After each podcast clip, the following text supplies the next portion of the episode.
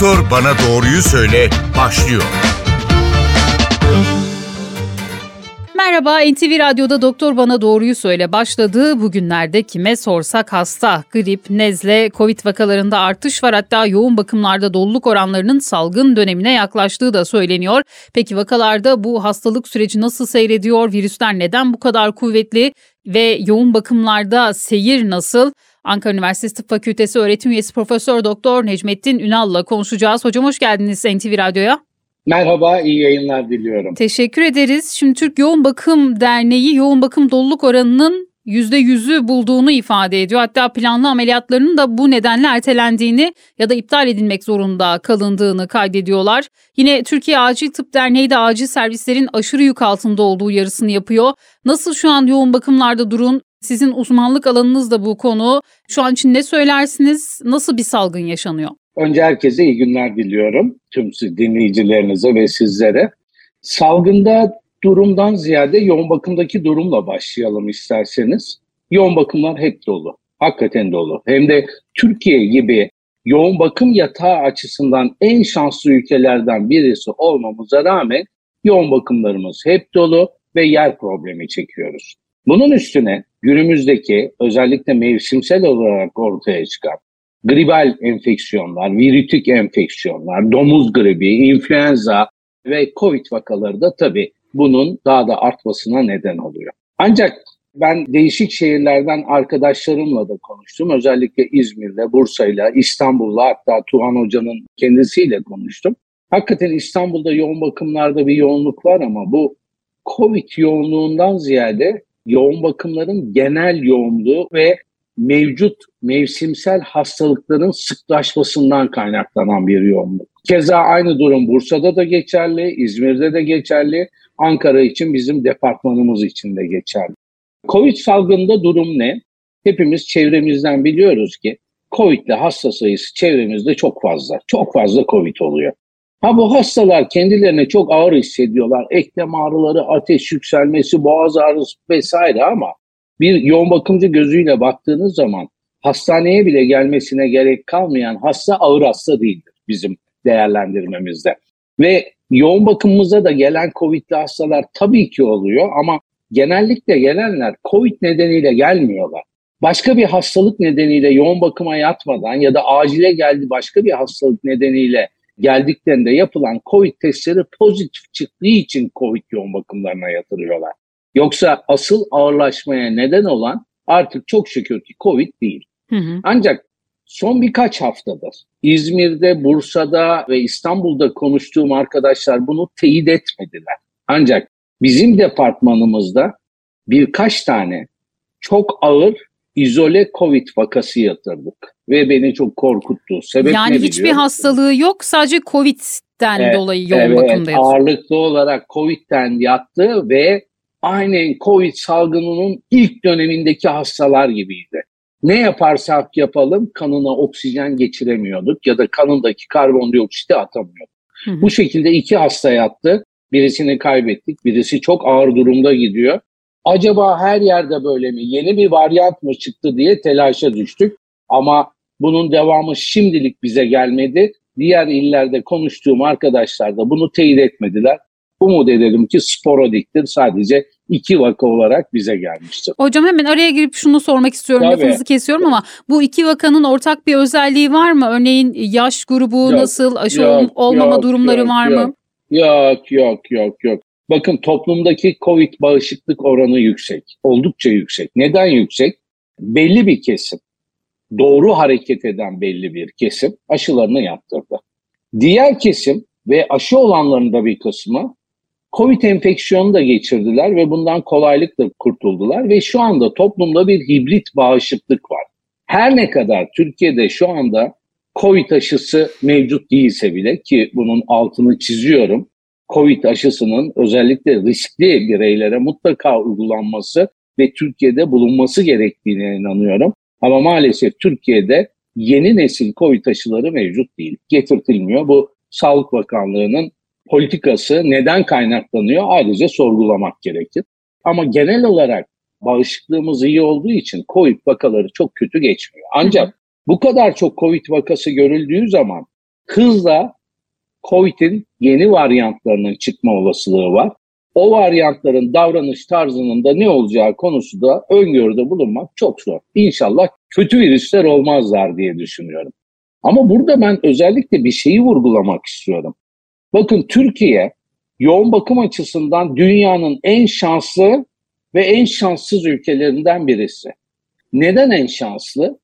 Çünkü Türkiye'de her 100 bin kişiye 36-37 yoğun bakım yatağı düşüyor. Bu düzeyde yoğun bakım yatağına sahip olan ülke sayısı dünyada hakikaten az. Ama şanssız olduğumuz nokta şu. Bir departman açıp içine her türlü aleti koyduğunuz zaman o aletler hastaya bakmıyorlar. Buna bakacak tecrübeli ve yeterli sayısında ekibin de oluşması gerekiyor. Hı hı. Bunların başında yoğun bakım hemşireleri geliyor. Maalesef Türkiye'de iki aylık bir yoğun bakım hemşireliği kursunun dışında yoğun bakımla ilgili yeni bir eğitim trendi oluşturulamadı. Sağlık Bakanlığı'yla en az 20 senedir yaptığımız görüşmelere rağmen ve hemşireler haklı olarak yoğun bakımda çalışmak istemiyorlar. Çünkü bir sürü risk ve ağır çalışma koşullarına rağmen poliklinikteki çalışan hemşireden daha farklı haklara sahip değiller. Evet. Ve dünya ortalaması şöyle, bir yoğun bakım yatağı için dört hemşire istihdam etmeniz, en az üç hemşire istihdam etmeniz öneriliyor. Yoğun bakım hekimi, uzmanı, her 10 yatak için bir yoğun bakım uzmanının olması gerekiyor. Yani 500 yatağınız varsa 50 tane yoğun bakım uzmanının orada çalışması gerekiyor. Ama Türkiye'deki yoğun bakım uzmanı sayısı 400'ü geçemedi maalesef ve maalesef bu branşa girmek isteyenlerin sayısı da giderek azalıyor. Peki. Hemen hemen kadroların çoğu boş kalıyor. Evet. Dolayısıyla hem çok şanslıyız hem çok şanssızız. Hı hı. İdari olarak bir bazı tedbirlerin alınmasından başka çare yok. Şimdi hocam az önceki cümlenizde şunu söylediniz. Mevsimsel olarak geçirilen hastalıklar sebebiyle de yoğun bakımlara gelen hasta sayısında bir artış Evet. var dediniz. Yani eskiden grip denildiği zaman işte önleyici ilaçlar kullanıldığında bir haftalık beş günlük süreçte atlatılabiliyordu. Hatta bazen doktorlar diyordu ki ilaç kullansanız da kullanmasanız da beş günde geçiyor bu durum deniliyordu. Şimdi sizin söylediğiniz cümleden anladığım kadarıyla daha ağır bir durum söz konusu. Neden virüs bu kadar güçlenmiş olabilir yoğun bakıma düşürecek kadar? Şimdi virüsler de evriliyorlar. Hı hı. Şartlara göre kendilerini koruyucu varyantlar geliştiriyorlar. Covid'de bütün halkımız bunu çok net olarak izledi ama diğer virüsler de evriliyorlar. Ve mesela domuz gribi denilen bir grip var. O da bir virütik hastalık. Çok ağır seyrediyor. Ve bunlar da değişiyorlar. Artı bunların hepsine karşı da aşılar var. Özellikle risk altında olan kişilerin mutlaka bunlara karşı uygun zamanlarda Sağlık Bakanlığı'nın, Dünya Sağlık Örgütü'nün önerdiği şekilde aşılanması öneriliyor. Ama aşılama konusunda kafaları karıştıran çok fazla parazit var. Bilgi kirliliği var. Dolayısıyla halkın aşılanma konusunda da kafası son derece karışık. Ben yeterli aşılanma yapıldığını düşünmüyorum. Hı hı. Bir taraftan virüsler her türlü hazırlığı yapıyor. Her türlü silahla kuşanıyorlar. Biz ise savunma tedbirlerini zayıflatıyoruz. Ama olayı bir tek virütik hastalık olarak değerlendirmeyin. Kronik hastalıklar veya kronik obstrüktif akciğer hastalığı. Onların atakları da bu mevsimlerde artıyor. Onlar da yoğun bakımlarımıza çok fazla başvurur vaziyetteler. Yoğun bakımlara fayda görmeyecek kadar iyi ve fayda görmeyecek kadar kötü hasta alınmamalıdır. Bunun alternatifi nedir? Palyatif bakım servisleri, Hı hı. palyatif bakım servisleri ve evlerdir. Bu tür hastalara bakım evleridir.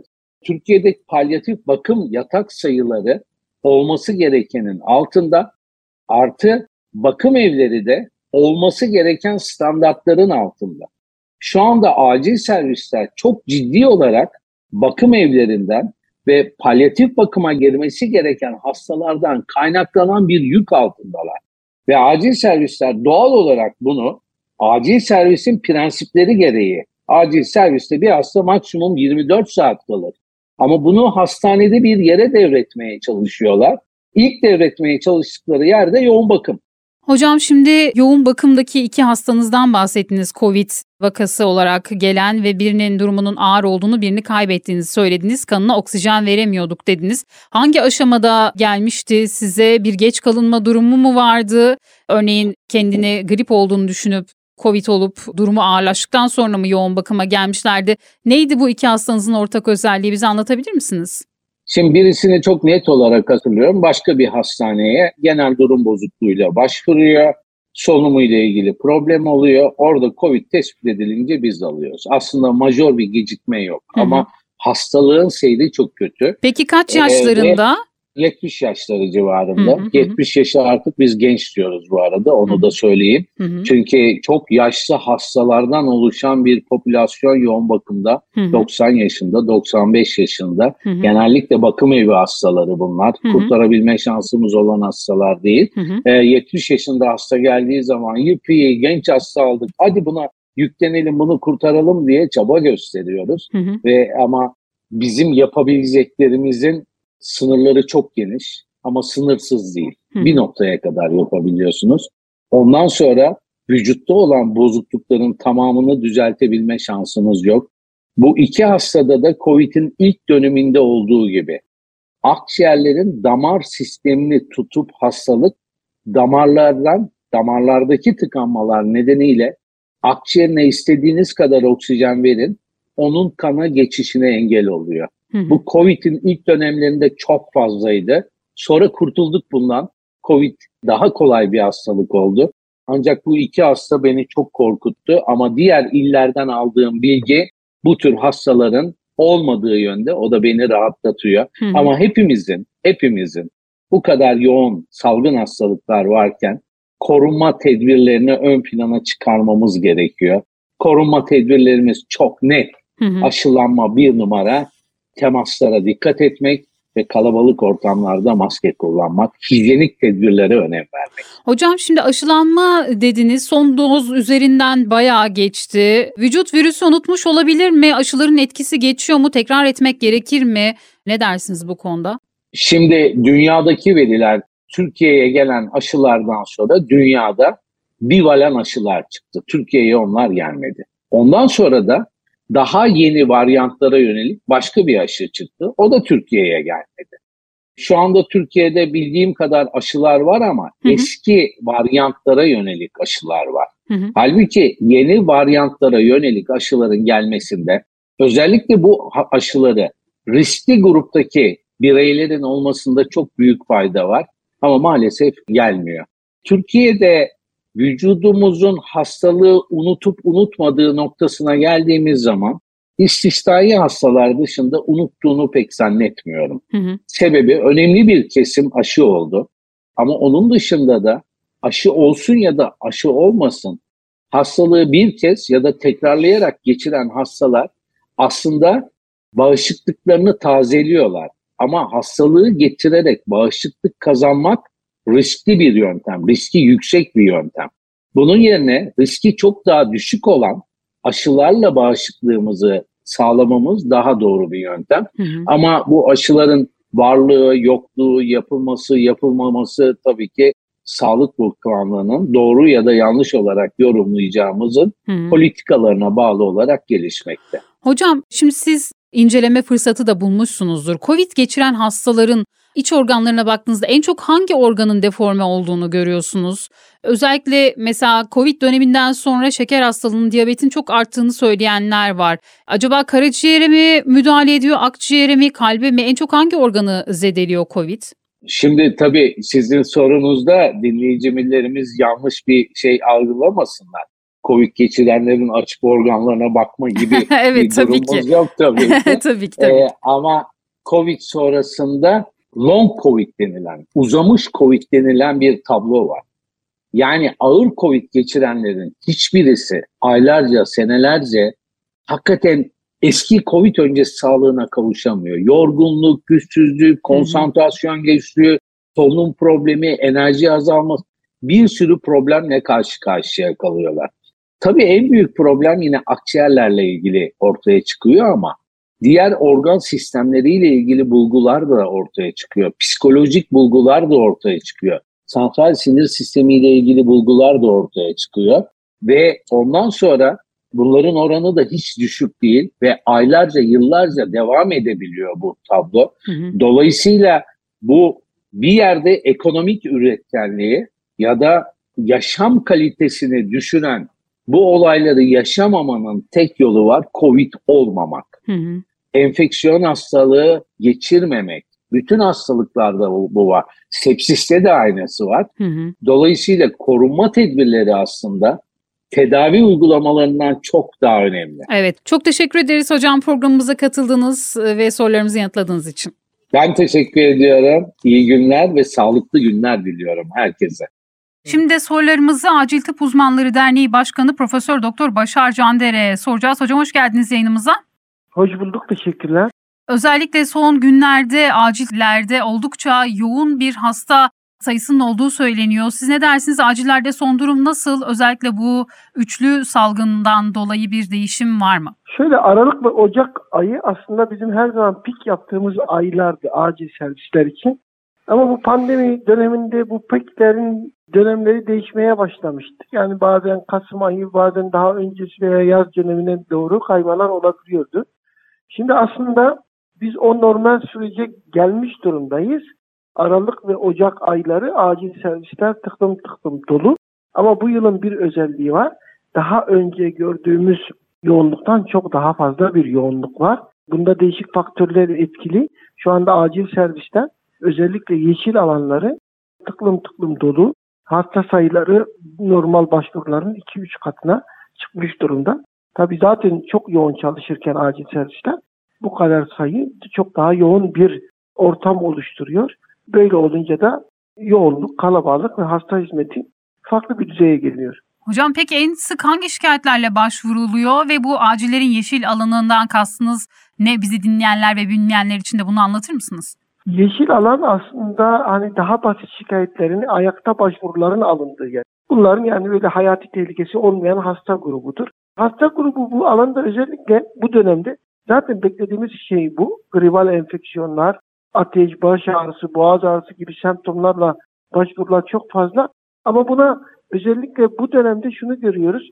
Halsizlik, bu semptomların uzamış olması. Bir de bu hani normalde üst solunum yolu enfeksiyonu dediğimiz bu semptomların biraz daha yaygın bir şekilde alt solunum yollarına ilerlemiş olması. Yani bir nevi zatürre, ye pnömoni dediğimiz zatürreye çevirmiş olması. Bu hastalık e, yani biraz daha fazla bu da üçlü olmasından kaynaklanıyor. Herhalde yani normal seyirde biraz daha çabuk ayakta atlatacağımız hastalığı daha zor atlatıyoruz ve akciğerlere enfeksiyon daha çabuk yayılıyor. Peki bir yaş ortalaması var mı hocam en sık başvuranlar arasında? Şu anda tabii ki orta yaşla yaşlı grup daha fazla olmakla birlikte yine gençlerde de yaygın. Dolayısıyla hani herkesi içine alan bir salgın görünüyor. Ama yani hani şu yaşlar demek doğru değil. Hı hı. Peki ağır durumda başvuranlar var mı? Yoğun bakım ünitesine sevk ettiğiniz hastalar oluyor mu? Tabii ki işte bu hastalar özellikle eğer akciğerlere iniyorsa enfeksiyon daha sonra bütün vücudu kaplıyor. Bu işte bu ağır seyreden hastalar genelde ya daha yaşlı hastalar olabiliyorlar. Vücut direnci iyi olmayan veya ek hastalığı olanlarda bu daha çabuk akciğerlere iniyor ve akciğer enfeksiyonu eğer zamanda müdahale yapılmazsa, iyi bir tedavi Hı hı. biraz da bu vakalar dirençli bütün vücuda yayılabiliyor ve sepsis dediğimiz çoklu organ yetmezliği hani enfeksiyonun kanla ilerlemesi diyelim. Hı hı. Bu bütün vücudu etkileyebiliyor. Bu durumdaki hastalar yoğun bakıma sevk edilmesi gereken hastalar.